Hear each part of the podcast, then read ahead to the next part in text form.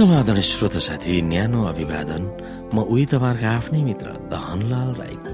श्रोत साथी आज म तपाईँको बीचमा बाइबल सन्देश लिएर आएको छु। आजको बाइबल सन्देशको शीर्षक रहेको छ आस्थावान र निष्ठावान हुन आह्वान।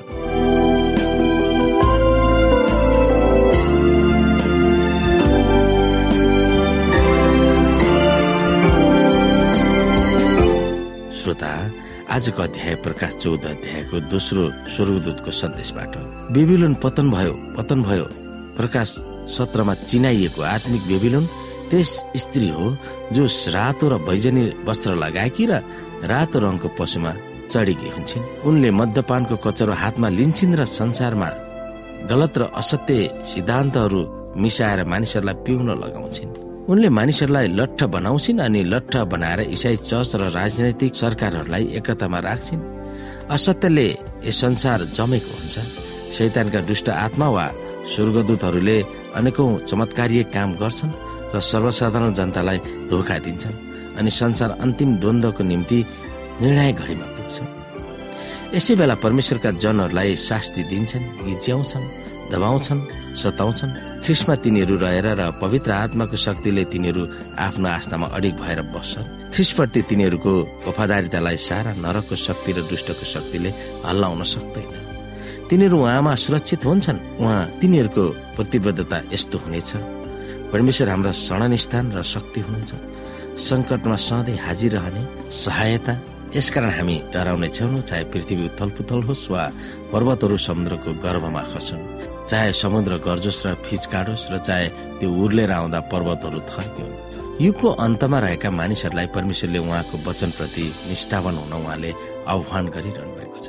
यसोले आफ्नो भक्ति चेलाहरूको निम्ति यस्तो प्रार्थना गर्नुभएको थियो कि तिनीहरूलाई तपाईँको सत्यले पवित्र बनाउनुहोस् तपाईँको वचन नै सत्य हो। पृथ्वीको इतिहासको सङ्कटको घडीमा परमेश्वरका जनहरूको निम्ति अगुवाई गर्ने तारा परमेश्वरको वचनमा पाइएको सत्य हो। कुनै पनि मानवीय धारणा दर्शन विद्या वा बातहरू होइन। मूर्ति पूजाको छाप लागेका आइतबारलाई चर्चमा घुस्नु कस्तो दुःख लाग्दछ? सूर्य भगवानको नाउँ बोकेको यस दिनलाई भ्रष्ट पोपीय तन्त्रले चर्चमा घुसायो र त्यो पवित्र दिन हो भन्ने मान्न चाहे सुधारवादी वा प्रोटेस्टेन्टहरूले सिरोपर गरिरहेका हामी पाउँछौँ। हामी इजिकेल विषय द्याके एकदेखि बिसलाई हेर्न सक्छौँ। इजिकेलको सन्देशको सारांश के हो र परमेश्वर प्रतिको वफादारितामा अडान लिने क्रममा साबतले कसरी उल्लेखनीय भूमिका खेल्दछ भनेर हामी हेरौँ। एकमा सातौं वर्षको पाँचौं महिनाको दशौं दिनमा इजरायलका कोही धर्मगुरुहरू परमप्रभुसित सोधपुछ गर्नलाई आएर मेरो सामुन्ने बसे। तब परमप्रभुको यो वचन म आयो? हे मानिसको छोरो इजरायलका धर्मगुरुहरूसँग कुरा गर र तिनीहरूलाई भन्। परमप्रभु परमेश्वर यसो भन्नुहुन्छ के तिमीहरू मसित सोधपुछ गर्न लागेका हौ? जस्तो म जीवित छु परमप्रभु परमेश्वर हुनुहुन्छ। तिमीहरूलाई मलाई सोधपुछ गर्न पाउने छैन। हे मानिसको छोरो के तिमी तिनीहरूको न्याय गर्नेछौ?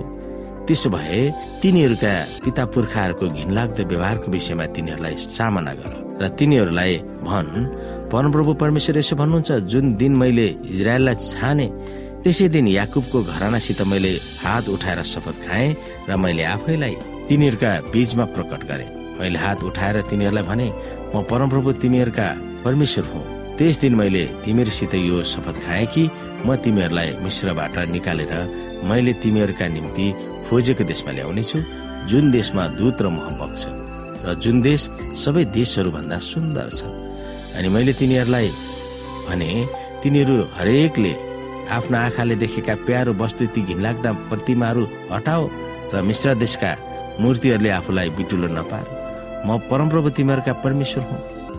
तर तिनीहरू मेरा विरुद्धमा बाघी भए र तिनीहरूले मेरा कुरा सुनेन। आफ्ना आँखाले देखेका प्यारो वस्तु ती घिनलाग्दा प्रतिमाहरूलाई तिनीहरूले फालेनन् न त तिनीहरूले मिश्र देशका मूर्तिहरूलाई त्यागे। यसैले मैले भने कि मिश्र देशमा नै म मेरो क्रोध तिमीहरूमाथि खन्याउने छु मेरो रिस पुरै पोखाउने छु तर जुन जातिहरूका बीचमा तिनीहरू बसेका थिए र जसका नजरकै सामुन्य मैले तिनीहरूलाई मिश्र देशबाट निकालेर ल्याए इजरायलीहरूका अघि आफूलाई चिनाए ती जातिहरूका आँखाका सामु मेरो नाउँ अपवित्र नहोस् भनेर आफ्नो नाउँको खातिर मैले यो काम गरे। यसै कारण मैले तिनीहरूलाई मिश्र देशबाट निकालेर मरूभूमिमा ल्याएँ। मैले तिनीहरूलाई मेरा विधिहरू दिएँ र मेरा नियमहरू देखाए किनभने जुन मानिसहरूले ती पालन गर्छ तिनीबाट त्यो बाँच्नेछ। त्यसबाहेक तिनीहरूलाई पवित्र पार्ने म परमप्रभु नै हुँ भन्ने कुरा तिनीहरूले जानुन् भनेर तिनीहरू मेरो बीचमा चिन्हको लागि मैले तिनीहरूलाई साबत दिनहरूमा पनि ठहराइदिए। तापनि इजरायलका मानिसहरू मरुभूमिमा मेरा विरुद्धमा बाघी भए।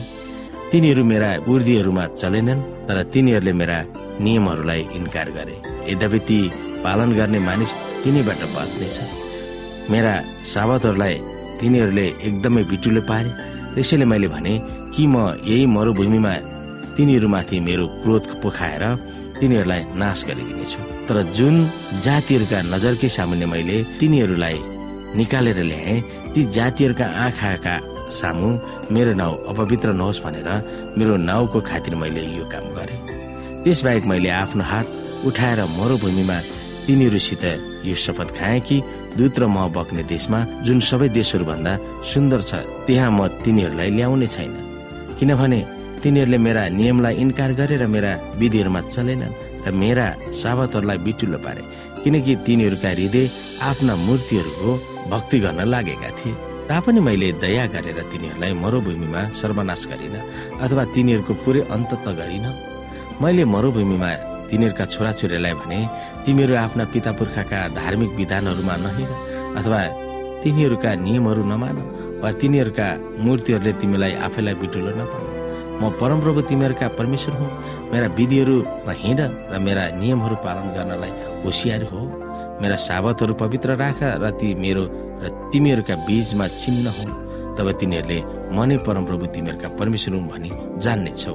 इजरायलीहरूलाई मूर्ति पूजा त्याग र सृष्टिलाई भन्दा सृष्टिकर्ताका आराधना र उपासना गर भनेर परमेश्वरले गर्नुभएको हार्दिक आह्वान इजिकेल बिसमा उल्लेख गरिएको छ। तिनीहरूले मिश्र देशकै मूर्तिहरूलाई ढोक्न पुगेका थिए। ती स्वर्गदूतहरूको सन्देशमा परमेश्वरले त्यही खालको आह्वान गरिरहनु भएको छ। सृष्टिकर्ताका आराधना गर किनभने बेबिलोन पतन भएको छ। अन्तिम घटनाहरूमा सावत प्रति निष्ठावान हुने नीतिले ठुलो भूमिका खेल्नेछ भन्ने कुरा हामीलाई थाहा छ।